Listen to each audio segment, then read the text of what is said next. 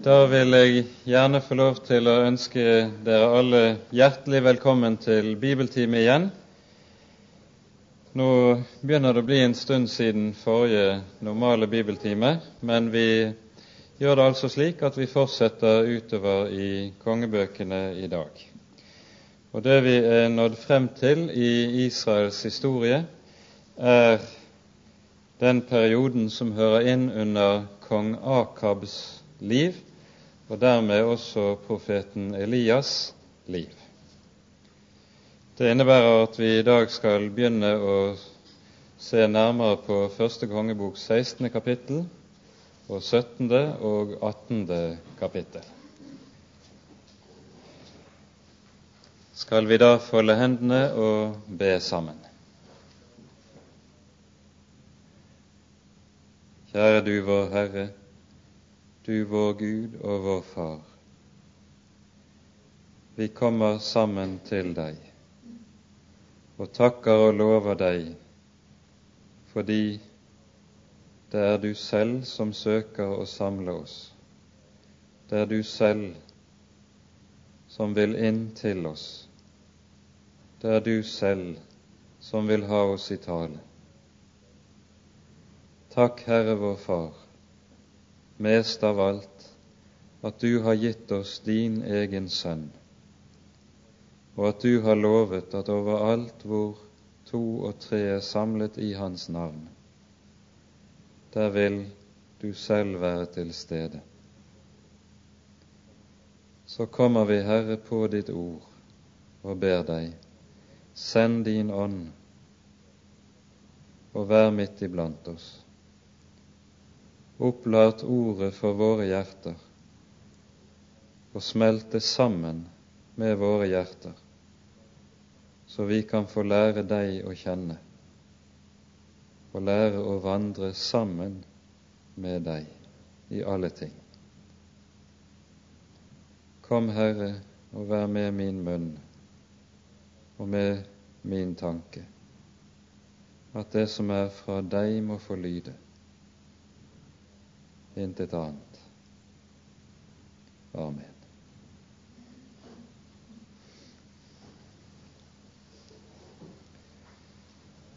Som sagt beveger vi oss i dag altså inn i første kongeboks 16., 17. og 18. kapittel. Og vi begynner nå på Akabs kongetid. Han leser vi om fra det 29. verset i det 16. kapittelet i første kongebok. Og som dere vil se, har jeg delt ut en enkel oversikt over kongerekken i de to rikene, hvorledes det forholdt seg med de ulike konger etter riksdelingen etter Salomos død. Dette, denne rekken er satt opp i all enkelhet slik at i den venstre spalten ser dere årstall etter Salomos død, etter altså at riket ble delt i to, i Sydriket og i Nordriket. Og Det skjedde altså ca. år 975 før Kristus. Og de årstallene finner vi i den høyre spalten. Og la det være sagt klart allerede her at alle årstall er anslagsvise. Man kan ikke med sikkerhet fastslå nøyaktig disse årstallene, men anslagsvise så langt man er noenlunde i stand til å fastslå den bibelske kronologien. Som dere husker, var de to første kongene henholdsvis i Sydriket og Nordriket Rehabeam og Jeroboam.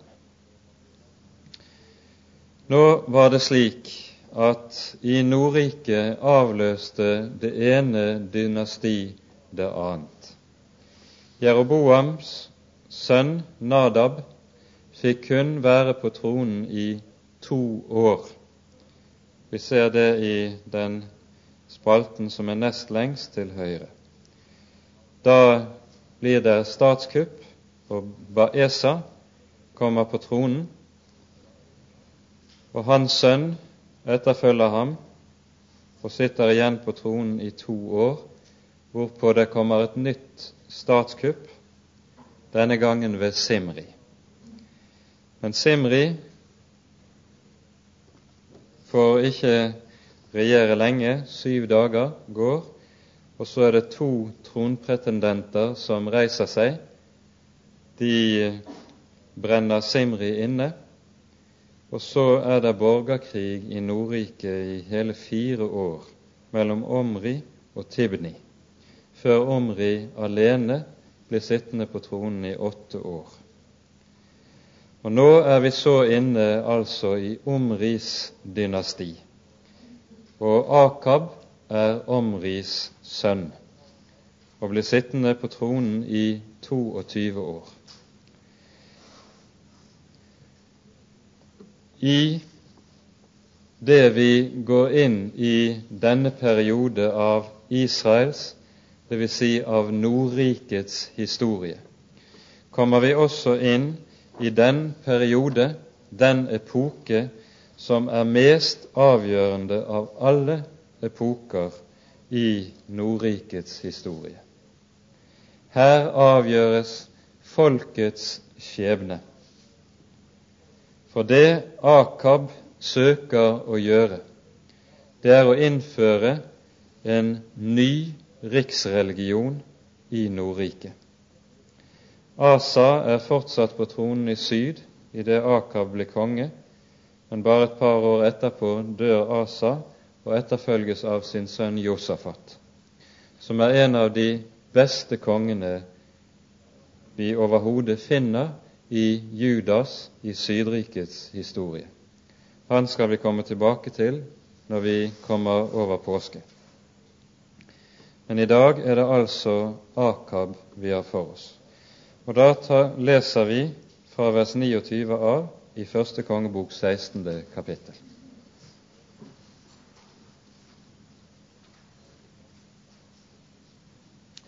Akab Omris sønn, ble konge over Israel i Asas, Judas konge 38. år. Og Akab, Omris sønn, regjerte over Israel i Samaria i 22 år. Akab, Omris sønn, gjorde hva ondt var i Herrens øyne, mer enn noen av dem som hadde vært før ham. Og som om det var for lite at han vandret i Jeroboams, Nebats sønns synder, tok han Jesabel, datter av sidoniernes konge, et Baal til hustru, og ga seg til å dyrke Baal og tilbe ham. Han oppreiste et alter for Baal i det Baals tempel han hadde bygget i Samaria. Akab gjorde også et astartebilde og han gjorde enda mer til å vekke Herrens, Israels Guds, harme. Han bar seg verre ad enn noen av de konger i Israel som hadde vært før ham. I hans dager bygget Hiel fra Betel Jeriko opp igjen. Da han la dets grunnvoll, kostet det ham hans førstefødte sønn Abiram og da han satte opp dets porter, kostet det ham hans yngste sønn, Segub, etter det ord som Herren hadde talt ved Josva, Nuns sønn.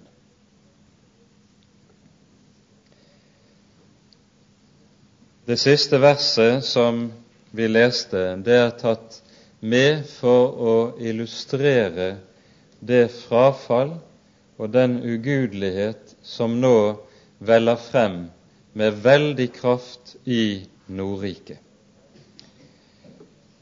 Josva hadde nemlig i forbindelse med erobringen av Jeriko, det leser vi i Josvas bok sjette kapittel, på Herrens befaling uttrykkelig ytret en forbannelse over stedet. En forbannelse som skulle ramme det mennesket som ville søke å gjenreise byen med bymurer omkring. Denne forbannelse ser vi nå oppfylles. For nettopp det at Hiel fra Jeriko Nei, Hiel fra Betel, unnskyld, søker å gjenreise byen. I det ser vi en bevisst og målrettet tross mot Herrens ord, som var gitt til Israel for alle slekter.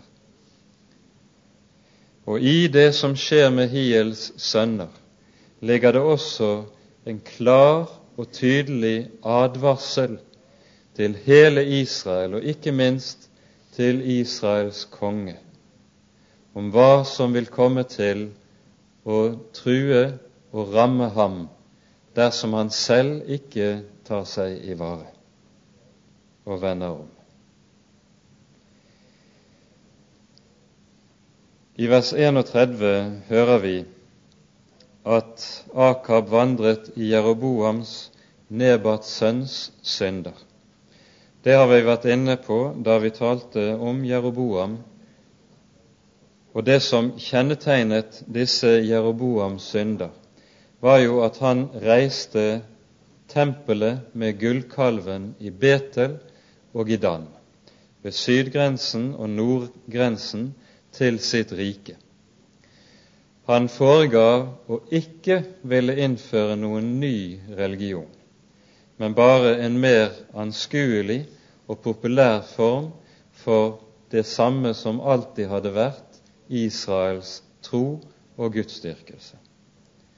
Derfor sa han også da han satte kalvene i Betel, dette er din Gud Israel, som førte deg opp fra Egypten. Dette forehavende ble noe av en riksreligion i Nordriket, og som kom til å bli årsak til det veldige frafall som etter hvert trengte inn der nord. Og Når Akab kommer på tronen, så er det like som det som har ligget i en kime etter Jeroboams død, og etter at Jeroboam likesom har beredt en vei for alle de senere konger i Nordriket. Nå spirer det frem i full kraft, og det vokser frem med en veldig fart. Det kan synes som om den åndelige motstandskraften i Nordriket, like som var brutt gjennom de foregående konger, fordi de hadde trolig vandret i Jeroboams fotspor og aldri søkt å vende folket tilbake til Herren. Og nå, når motstandskraften er brutt, og Akab kommer på tronen, så veller frafallet frem med veldig kraft og med stor fart. Man kan nesten undre seg over hvor fort det går i denne perioden. Derfor hører vi han tok Jesabel, datter av Sidonianes konge, et Baal til hustru, og ga seg til å dyrke Baal og tilbe ham. Denne konge i Sidon hører vi om via noen av de gamle greske historieskriverne, hvis skrifta er bevart like opp til våre dager. Menander, som er en av disse, skriver om Ito Baal, som navnet hans egentlig var, at han opprinnelig var ypperste prest i Balstempelet i Sidon, men stiller seg i ledelsen for et statskupp og blir så selv konge. Dette innebærer at hans datter Jesabel antagelig selv har vært oppdratt og opplært som prestinne i Astarte-tempelet i Sidon før hun inngår ekteskap med Akab. I Tobaal, eller et Baal, et navn som betyr Baal er med ham. Og det Akab gjør nå, sterkt påskyndet og tilskyndet til det av sin hustru Jesabel, er at han innfører Bals- og Astartedyrkelsen som ny riksreligion i Israel. Han reiser et kongelig avgudstempel i hovedstaden Samaria, som hans far Omri har reist. Og her gjøres også Bals- og Astartedyrkelsen til det som kommer til å prege hele samfunnslivet for øvrig. Vi hører i det 18. kapittelet om at de to, Akab og Jesabel, sørger for å tilsette 450 Baals prester og 400 Astarte prester. Og disse fikk underhold fra kongens bord, slik at de aldri skulle mangle noe. Baal og Astarte var en mannlig og en kvinnelig guddom som sto helt sentralt i datidens fororient. Baal var Gud for solen, for regnet og dermed også for markens fruktbarhet. Noe av det samme kjennetegnet Astarte, og disse to sammen utgjorde fruktbarhetsgudene, og religionen var en fruktbarhetsreligion. Disse ble dyrket nettopp med tanke på markens grøde, og som fruktbarhetsreligioner både den gang og til alle tider, var denne fruktbarheten også Eller avgudsdyrkelsen viste seg i seksuelle utskeielser. Det var en sanselig avgudsdyrkelse i ekstrem grad. Denne var det Israel fikk i oppdrag av Herren å utrydde da de inntok det lovede land. Kananittene var de som holdt fast på denne avgudsdyrkelse. Og disse gudene var det som med litt andre navn også ble dyrket både i Babylon, i Asyria, og som senere kom til Grekenland. Afrodite er ingen annen enn den sidoniske Astarte. Det er den samme åndsstrøm som likesom springer ut fra disse områder og trenger inn senere i Europa, til grekerne, og også går over til de romerske gudene, der du finner også Venus. Vel, nok om dette. Fordi dette blir en så veldig frafallstid, så blir det også slik at samtidig blir det en veldig åndskampstid. Skal Herren i det hele tatt kunne stanse Israel på denne, dette løpet på den onde vei, så må så å si motstøtet, motangrepet, komme nå. Derfor er det profeten Elisa opptrer i denne tid. Denne tid er en åndskampstid i særlig grad i Det gamle testamentet, der Herren søker å vende sitt folk om tilbake til seg, ikke bare gjennom ordets forkynnelse, men også ved store og mektige undere og kraftgjerninger gjennom sin profet. Det er i det hele tatt noe vi ser kjennetegne Det gamle testamentet, at det er lange perioder hvor vi i det hele tatt ikke finner noen undergjerning, noe mirakel i det hele tatt. Men så, i helt spesielle perioder, som er gjerne særlig avgjørende, opptrer der Guds sendebud, som også har fullmakt ovenfra til å virke særlige undergjerninger. Moses var en slik, i forbindelse med utgangen av Egypt. Og Elisa og Elias var slike i denne periode som vi her er inne i. Da leser vi det første verset i det 17. kapittel.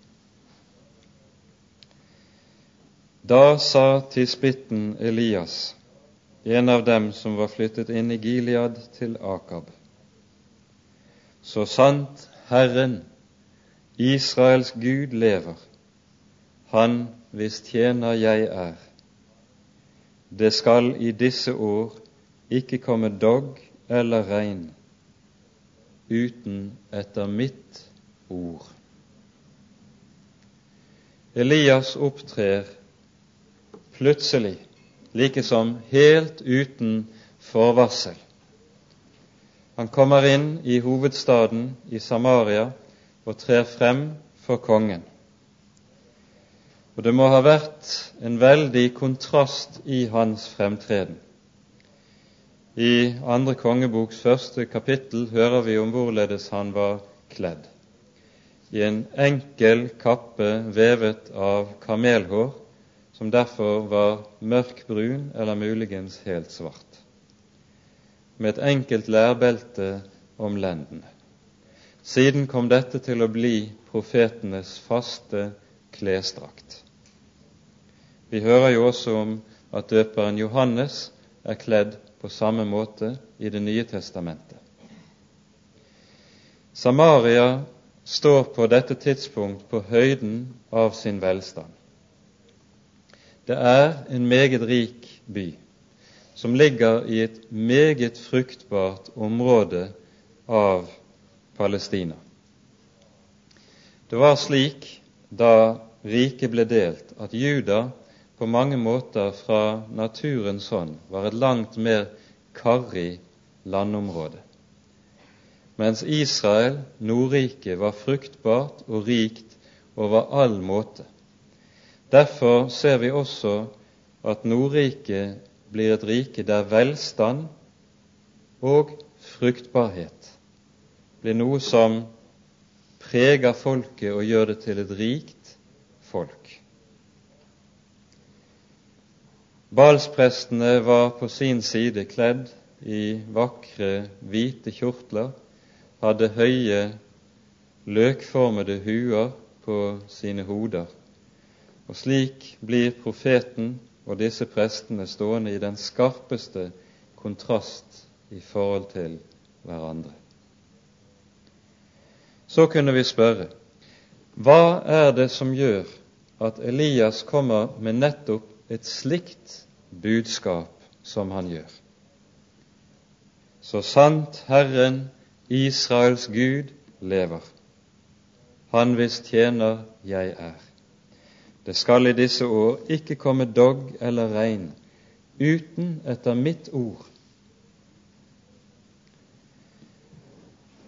Jo, ved dette rammes for det første balsdyrkelsen i selve sitt hjerte. Så sant is Herren Israels Gud lever.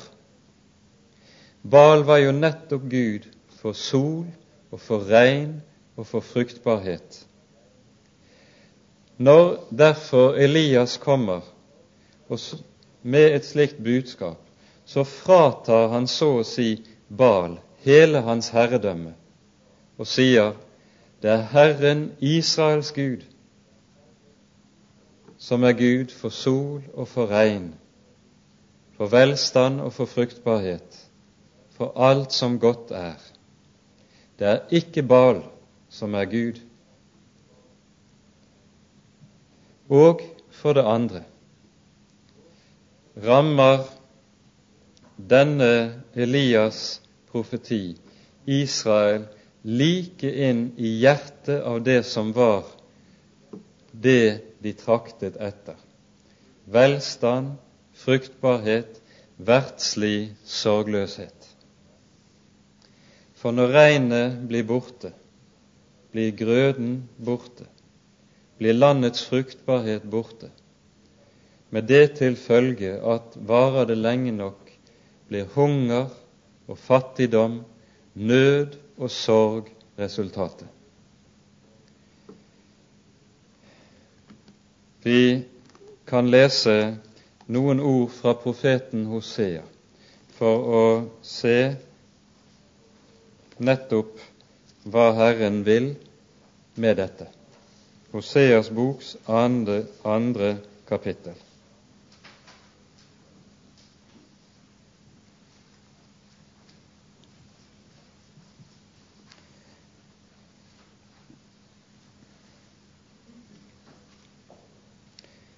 Profeten Hosea er også en profet som virker i Nordriket, i Samaria, en del år senere enn Elias. Men vi ser at innholdet i hans profeti bærer i seg svært meget av det samme som Elias. Han angriper nøyaktig de samme punktene som Elias angrep. I det annet kapittel refser profeten folkets avgudsdyrkelse. Han sammenligner isfolket med en kvinne som løper etter sine mange elskere, som er avgudene, og tenker at de skal gi henne alt det hun har lyst til. Og så leser vi fra vers 8. Hun skjønte ikke at det var jeg som ga henne kornet og mosten og oljen, som ga henne sølv og gull i mengdevis, som de brukte til Baal. Derfor vil jeg ta mitt korn tilbake når dets tid kommer, og min most når tiden er inne. Jeg vil ta bort min ull og mitt lin, som tjener til å skjule hennes blussel. Ja, nå vil jeg avdekke hennes visne kropp for hennes elskares øyne, og ingen skal rive henne ut av min hånd. Og jeg vil gjøre ende på all hennes glede, hennes fester, hennes nymåner og hennes sabbater og alle hennes høytider. Jeg vil ødelegge hennes vintre og hennes fikentre, hvorom hun har sagt, de er min horelønn som mine elskere, dvs. Si mine avguder, mine baler og astarter, har gitt meg. Herren fratar folket gjennom tørken all denne yppige velstand som de har gjort til sin avgud.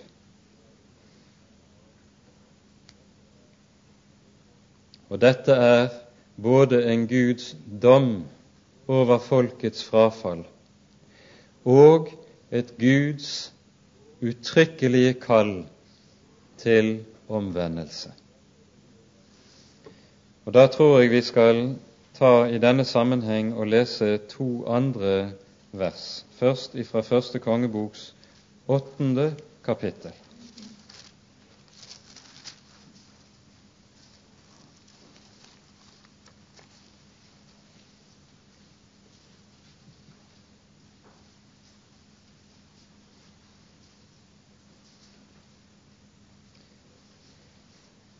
Kapittel 8 i første kongebok er det avsnitt der det berettes om innvielsen av Salomos tempel.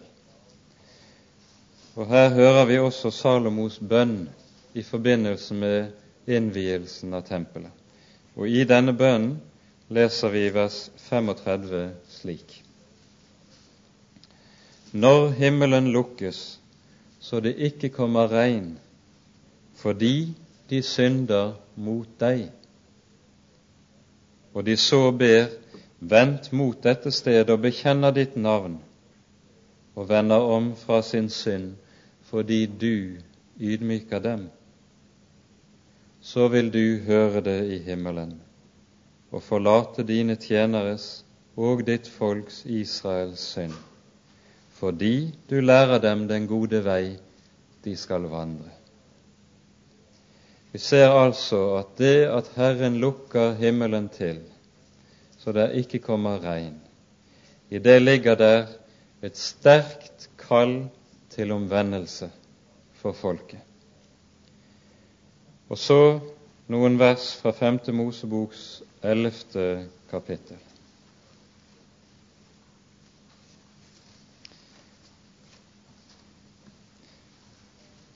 Ord som nok tør være har vært kjent i folket, trass i at de på mange måter har beveget seg svært langt bort fra Herren. Det som nemlig i 5. Mosebok 11 hører vi om hvorledes Israel som land står i en særstilling, til forskjell fra hvorledes folket hadde det i Egypt. Vi leser fra vers 10 slik.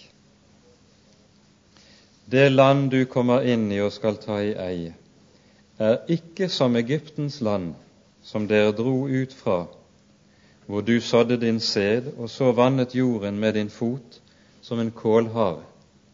Slik kunne man nemlig vanne landet i Egypt ved hjelp av vannet ifra Nil. Men det land dere drar over til og skal ta i eie, er et land med fjell og daler, som drikker vann av himmelens regn.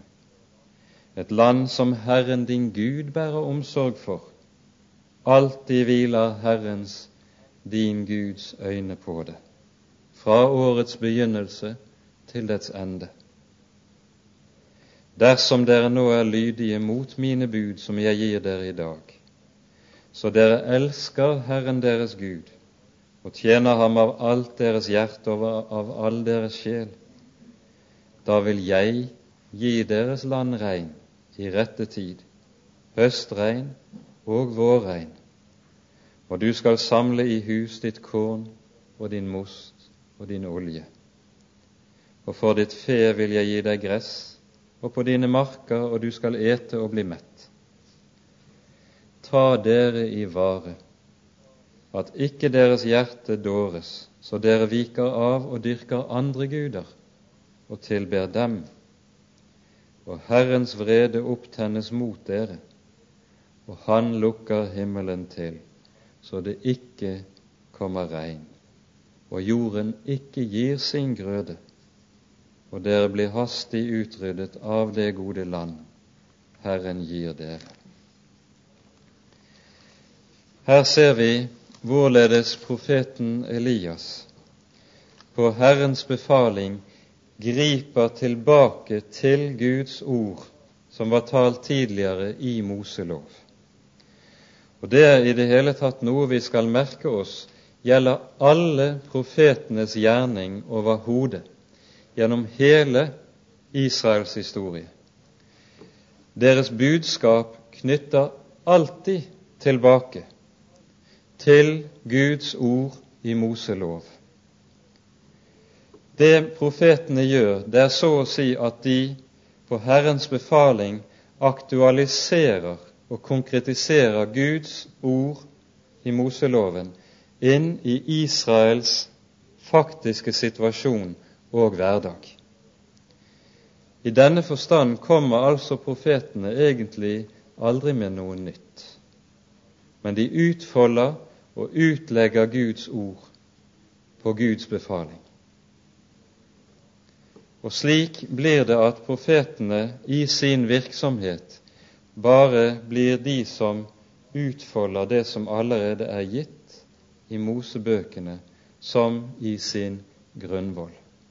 Dette er en rød tråd og en indre sammenheng som går gjennom hele Det gamle testamentet, og som er viktig å være oppmerksom på. Slik taler altså Elias.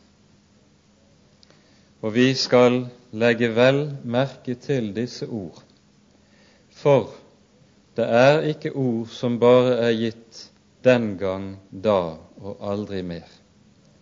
Men de står der som ord til advarsel inn i ethvert folks liv der man har med Gud å gjøre. Dersom man vender Herren sin Gud ryggen, så vil Herren la de samme plager ramme også i våre dager og ta fra oss hva vi har. Dersom vi bruker vår velstand til å dyrke vår tids fruktbarhetsguder, i stedet for i takknemlighet å nytte det til Hans ære som har velsignet oss og har gitt oss langt utover hva vi trenger, så skal Han i sin tid sørge for å frata land og folk hva Han har gitt oss. Det skal vi vite, og det skal vi regne med.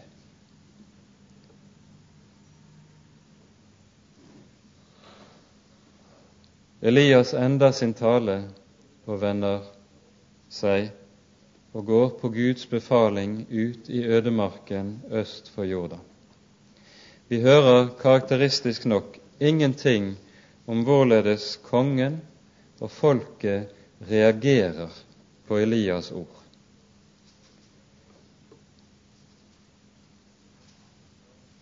Muligens har de bare trukket på skulderen av en slik fantast Muligens er det noen som har lyttet, det vet vi ikke. Men Elias går i trygg forvissning om at det ord som er talt, det skal stå der og gjøre sin virkning.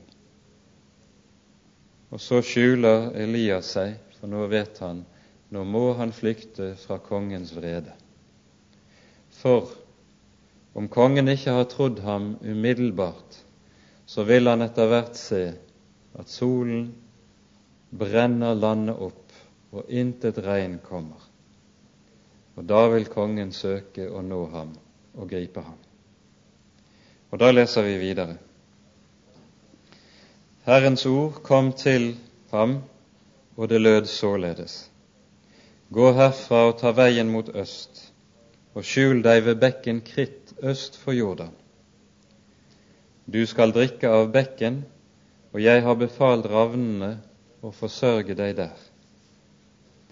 Så gikk han og gjorde som Herren hadde sagt. Han gikk til bekken Kritt øst for Jordan og oppholdt seg der.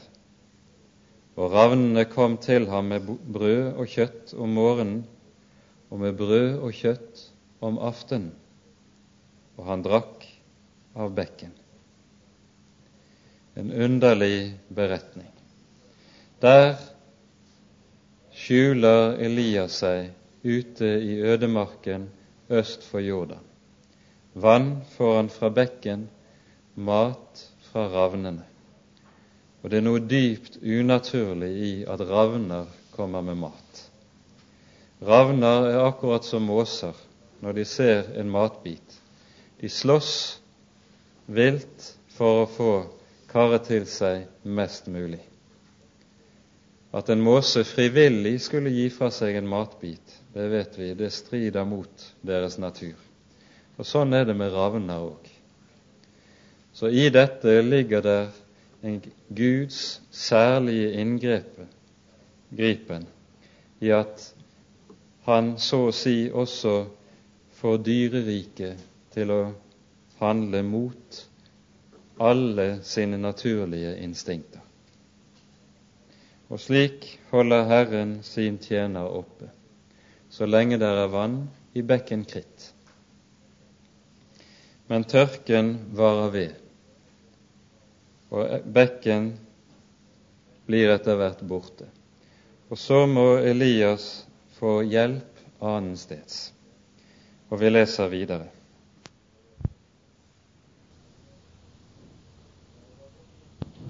Da det var gått en tid, ble bekken uttørret, for det kom ikke regn i landet. Da kom Herrens ord til ham, og det lød således. Stå opp og gå til Sarepta, som hører Sidon til, og bli der.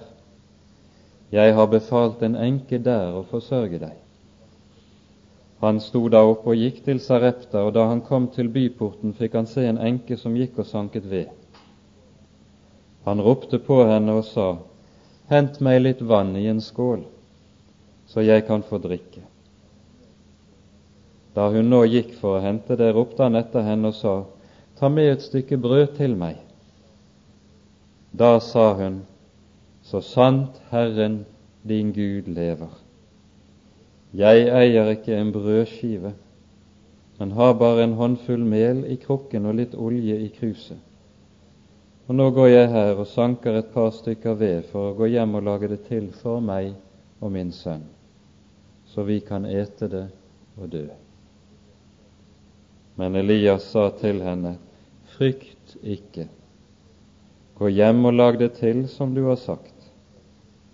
Lag bare først et lite brød til meg av det, og kom ut til meg med det. Siden kan du så lage til noe for deg og din sønn.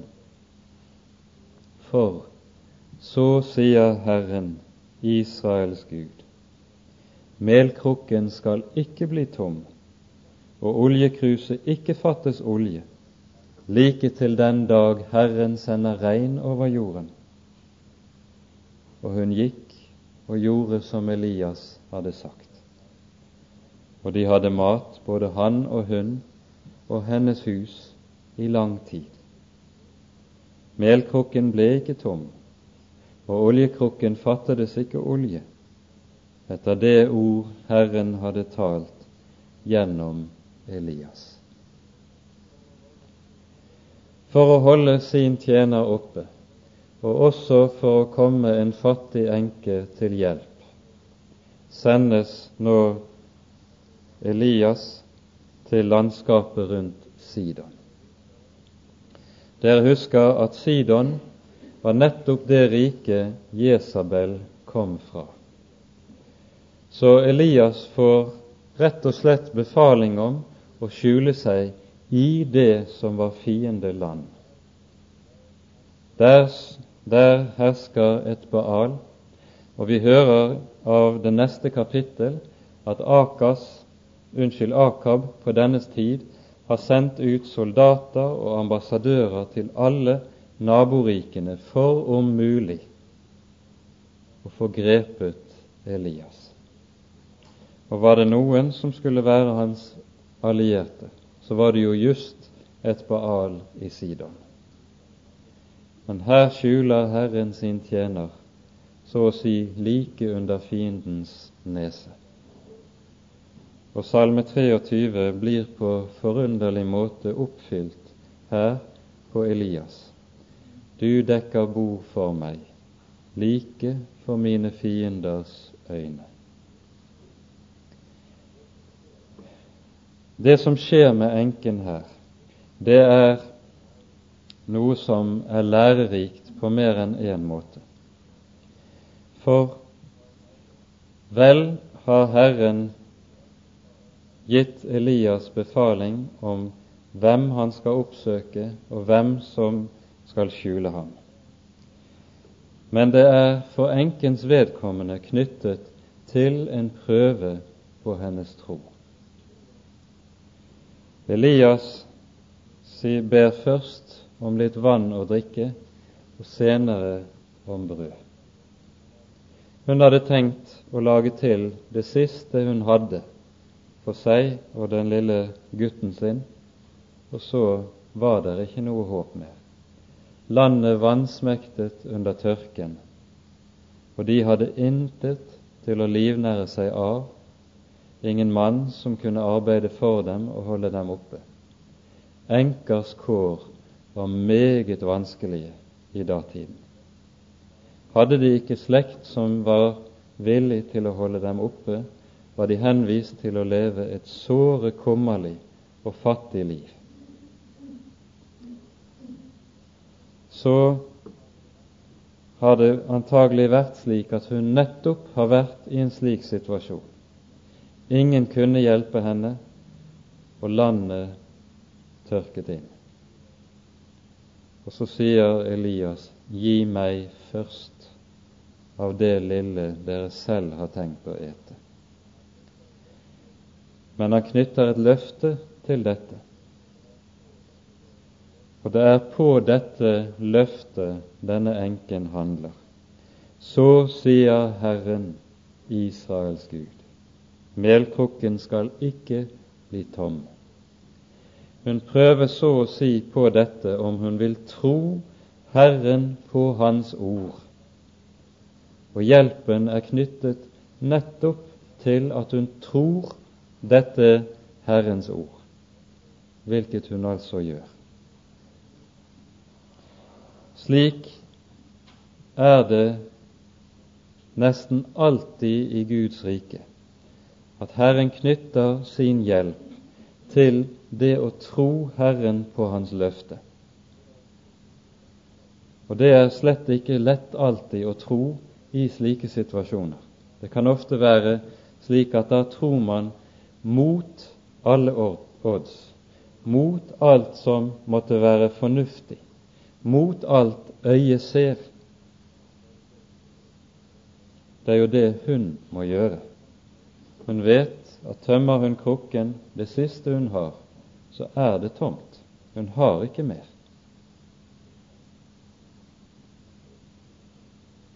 Men til sin undring får hun lov til å se neste dag at så var krukken full igjen. Kruset var fullt igjen, og de hadde hva de trengte for den dagen. De tømmer det, og så er det tomt når aftenen kommer. De har ingen annen garanti for morgendagen enn Guds løfte, at Gud vil stå ved hva Han har lovet gjennom profeten. Gi oss hver dag vårt daglige brød. Den bønnen må ha vært en levende bønn i det hjemmet i disse årene da Elias bodde der. Gud handlet altså ikke på en slik måte at han sendte enken ti tønner med mel og det samme med olje. Da hadde de hatt et stort lager som de kunne se for sine øyne og bruke av og rasjonere av, som man gjør når man vil handle fornuftig og forstandig. Nei, i stedet blir de stående dag for dag hjelpeløst avhengig av at Herren virkelig holder ord, holder hva Han har lovet. Melkrukken ble ikke tom, oljekrukken fattedes ikke olje, etter det ord Herren hadde talt gjennom Elias. Og så stadfestes også i denne sammenheng det underlige ord som vi ser Paulus gi som et ord som liksom sammenfatter hans egen tjeneste i 2. Korinterbrev, 6. kapittel. Vi er fattige som gjør mange rike. Vi er som de som intet eier, intet har, og dog eier alt. Underlig et paradoks, men slik var det. Og slik virket Herren. Og Det ser ut til at i dette ligger det noe av en grunnlov for Guds rikes arbeid. At Herren, når Han vil gjøre sin gjerning, så er det ikke først og fremst på den måten å sende et lastebillass med ressurser som man så kan ha og ta, ta litt av og litt av dag for dag. Men i stedet gjør han det på den måten at han gjør at mennesket blir avhengig av ham ved å frata dem alt, frata dem alle muligheter for selv å kunne finne utvei. Og da i den hjelpeløshet hvor det menneskelig talt ikke er håp i det hele tatt, hvor det med andre ord er slik at man bare har Gud og ingen annen, og således blir stående i fullstendig avhengig av ham fordi man ikke har noe annet. Da er det Herren riktig å slippe til å gjøre sin gjerning. For det ser ut til at jo rikere vi blir, jo mer vi har, jo større våre ressurser er, jo mer vi har å rutte med, jo mindre er vi også avhengig av Herren, av at Han blir den som driver verket. Og kanskje er det også meget av vår ulykke i det kristne arbeid. Ikke at vi mangler ressurser, men vi har for mye. Og Derfor er vi ikke avhengig av ham. Tenk bare på hvorledes Jesus stelte med disiplene da han sendte tolv små mennesker ut og ga dem oppdraget gå ut og gjør alle folkeslag til mine disipler. Hva hadde de å gå med?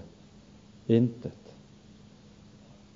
Intet annet enn et løfte fra en som sa meg er gitt all makt i himmel og på jord. Jeg vil være med dere alle dager inntil verdens ende.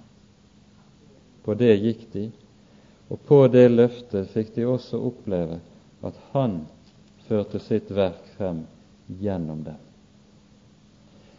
For når vi er sterke, når vi har det, når vi har alt, da er det som regel også slik at det er vi som fører frem verket. Det blir vårt i stedet for Guds. Så savner det også den velsignelsen som ligger over det som er gitt og virket ovenifra, og bare kan gis på det vis. På denne måten lever Elias i skjul i tre og et halvt år. Så lenge lærer Skriften oss at tørken varte ved. Og Underlig nok ser det ut til at selv om Akab og folket hadde dette Guds ord, som sto der og likesom kom til å hvile tyngre og tyngre på folket ettersom tiden gikk under tørken, så hadde ikke virket noen omvendelse noen ettertanke ser det ut til hos kongen.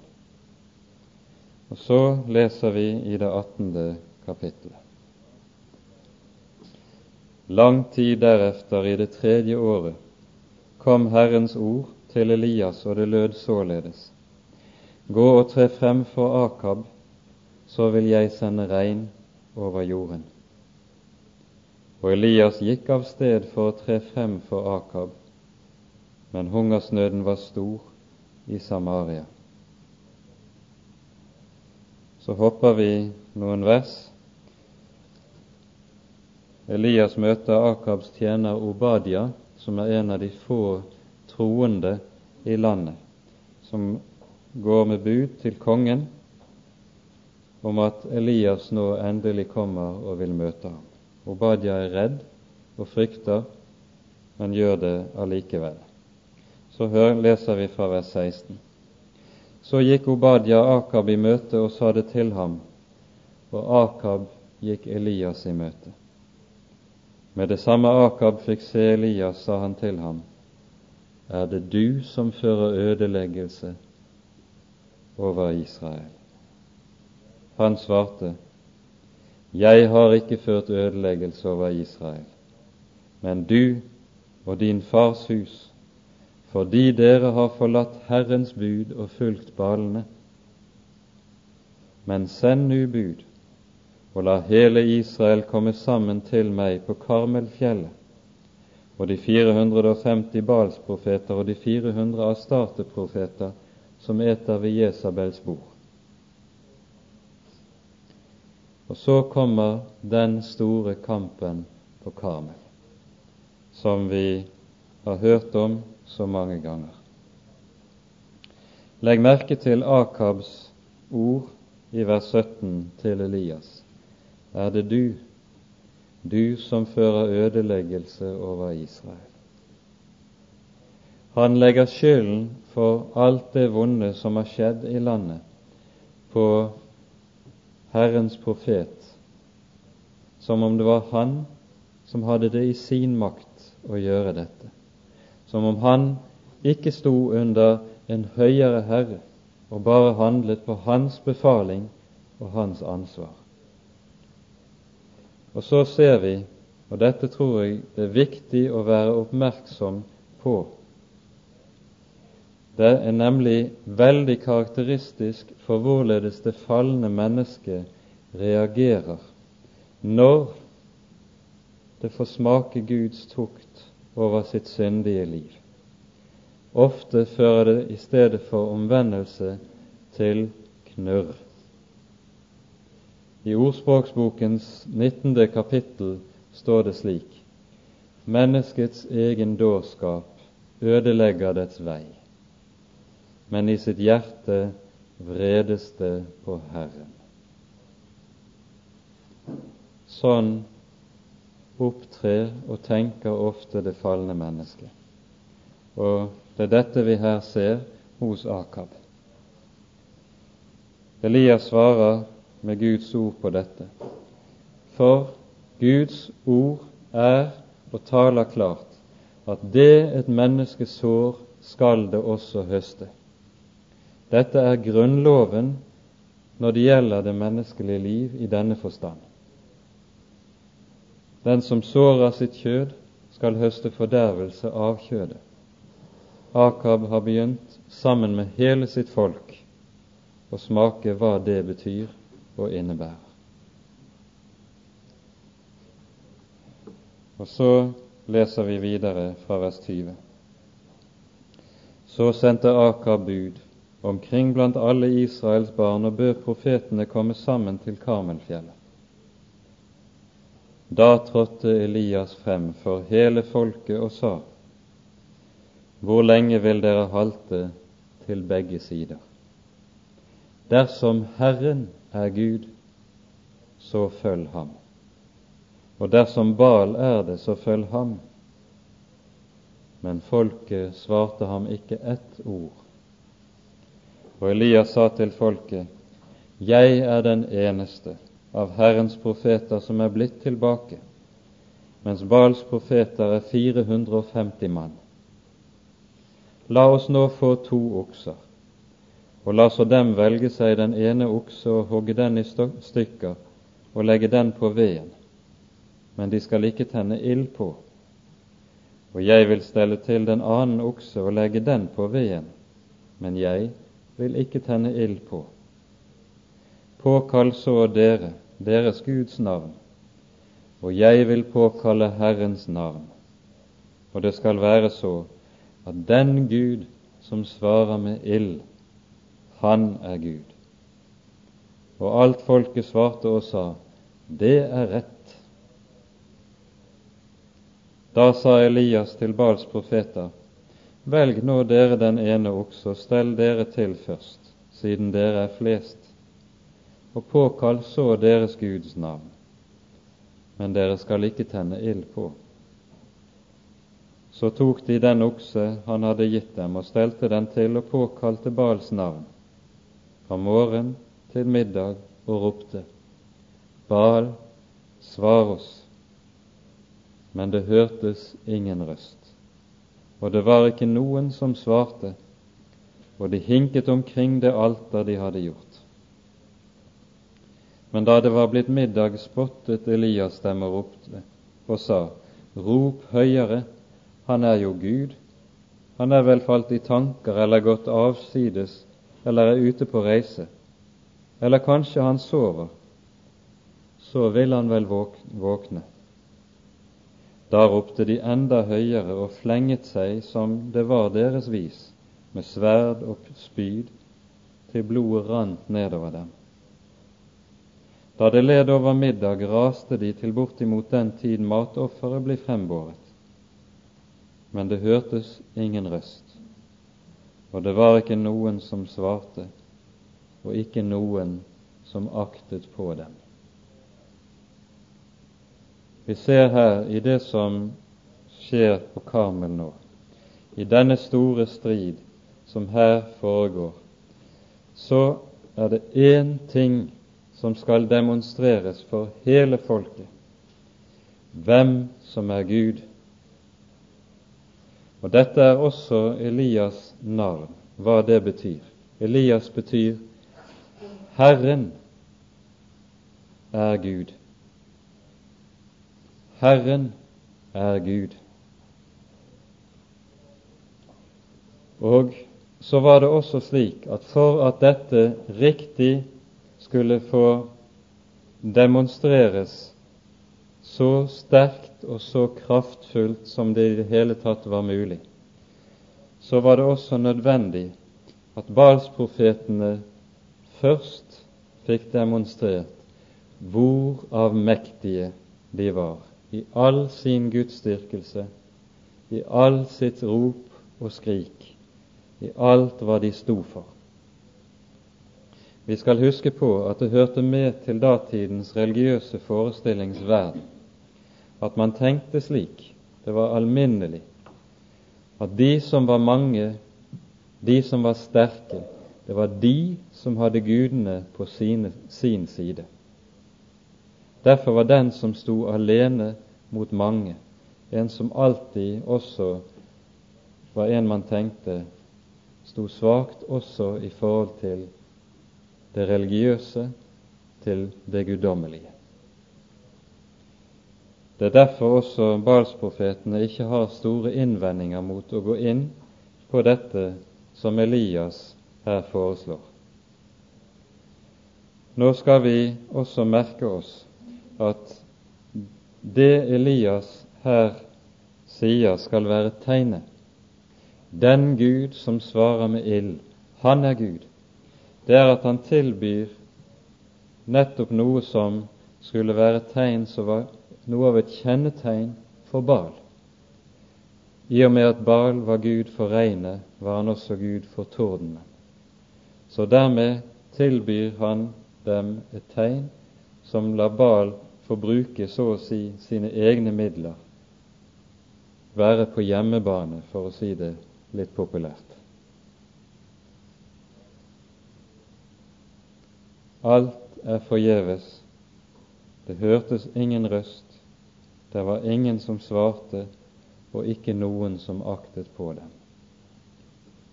Da sa Elias til alt folket, vi leser fra vers 30, tre hit til meg, og alt folket trådte frem, og han satte i stand Herrens alter som var nedrevet. Og Elias tok tolv stener etter tallet på Jakobs barns stammer.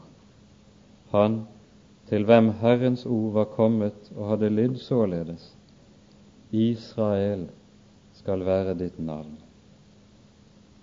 Og han bygget av stenene et alter i Herrens navn, og gjorde en grøft rundt om alteret så stor som til omkring to måls utsed. Så la han veden til rette og hogg oksen i stykker og la den ovenpå veden. Og han sa, Fyll fire krukker med vann, og øs det ut over brennofferet og over veden. Så sa han, gjør det en gang til. Og de gjorde det annen gang. Og han sa, gjør det tredje gang. Og de gjorde det tredje gang. Og vannet fløt rundt om alteret, og han fylte også grøften med vann. Her ser vi Elias gjøre det som må være mest ufornuftig av alt. Han gjør det så å si vanskelig for Gud å svare.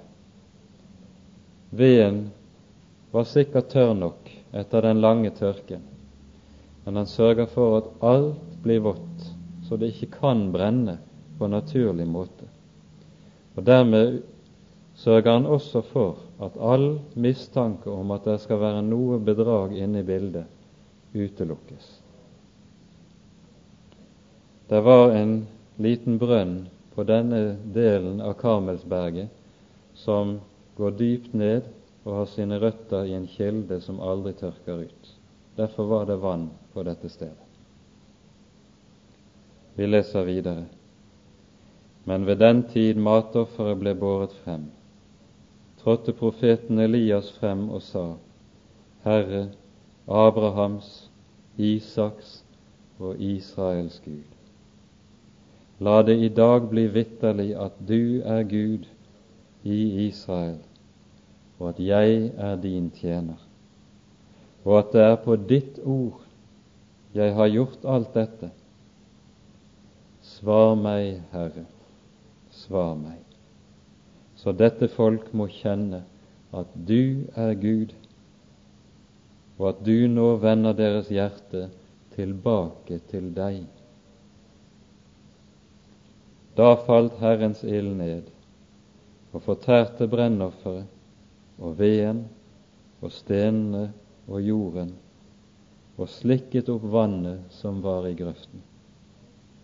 Og alt folket så det, og de falt ned på sitt ansikt og sa, Herren, Han er Gud. Herren, Han er Gud. Vi ser i hvor sterk kontrast Elias' bønn står til Bals profeters bønn. Det som kjennetegnet Balstyrkelsen, var nettopp den at den larmet over all måte. Både musikk og sanger som ble brukt, var i høy grad støyende. Dansen som ledsaget dem, var, gikk hånd i hanke med høye rop og skrik, og den gikk ut på å danse seg inn i en ekstase. Og Det kunne vare lenge, sånn som vi hører her. Elias behøver ikke å løfte røsten. Elias behøver ikke å ty til effekter. Det er ikke noe rop eller noe skrik som skal tvinge eller gjøre inntrykk på Gud. Stille påberoper han seg Guds ord, og legg merke til hvorledes han begynner. Herre Abrahams, Isaks og Israels Gud. Han viser dem tilbake til det hvem deres fedre var hvem dermed også deres fedres Gud var. Det er Han som er begynnelsen. Han som dannet og skapte folket og førte dem i sin store trofasthet. Det er han Elias søker å vende folkets hjerte tilbake til. Og Jeremias ord kan vel i denne sammenheng stå som en passende sammenfatning. Stå på de gamle stier og se til. Spør etter veiene til det gode og gå på dem. Så skal dere finne hvile for deres sjeler. Ved det som her skjer, vitner Gud selv om hvem Han er, om avgudenes tomhet og fåfengthet og bedrag. Ved det og ved dette veldige vitnesbyrd når Gud inn til hjertet og vender folkets hjerte tilbake til ham. Herren, Han er Gud. Herren, Han er Gud. Det er Elisas navn, og det er overskriften over hele hans gjerning. Dette under med ilden fra himmelen som kommer her, det viser tilbake til de to grunnleggende undergjerninger i forbindelse med for det første da Herren sluttet pakt med sitt folk ved Sinai, da tabernaklet var reist og skulle vigsles. Da lot Herren sin ild falle fra himmelen på alteret. Og likeledes da Salomo hadde reist tempelet, og det skulle vigsles, skjer det samme. Dette er tredje gang dette under skjer i folkets liv, og siste gang. Herren, Han er Gud, og at Herren skal få lov til å være den Han er for folket. Det er innholdet i hele Elias' gjerning. Og med det stanser vi for denne gang.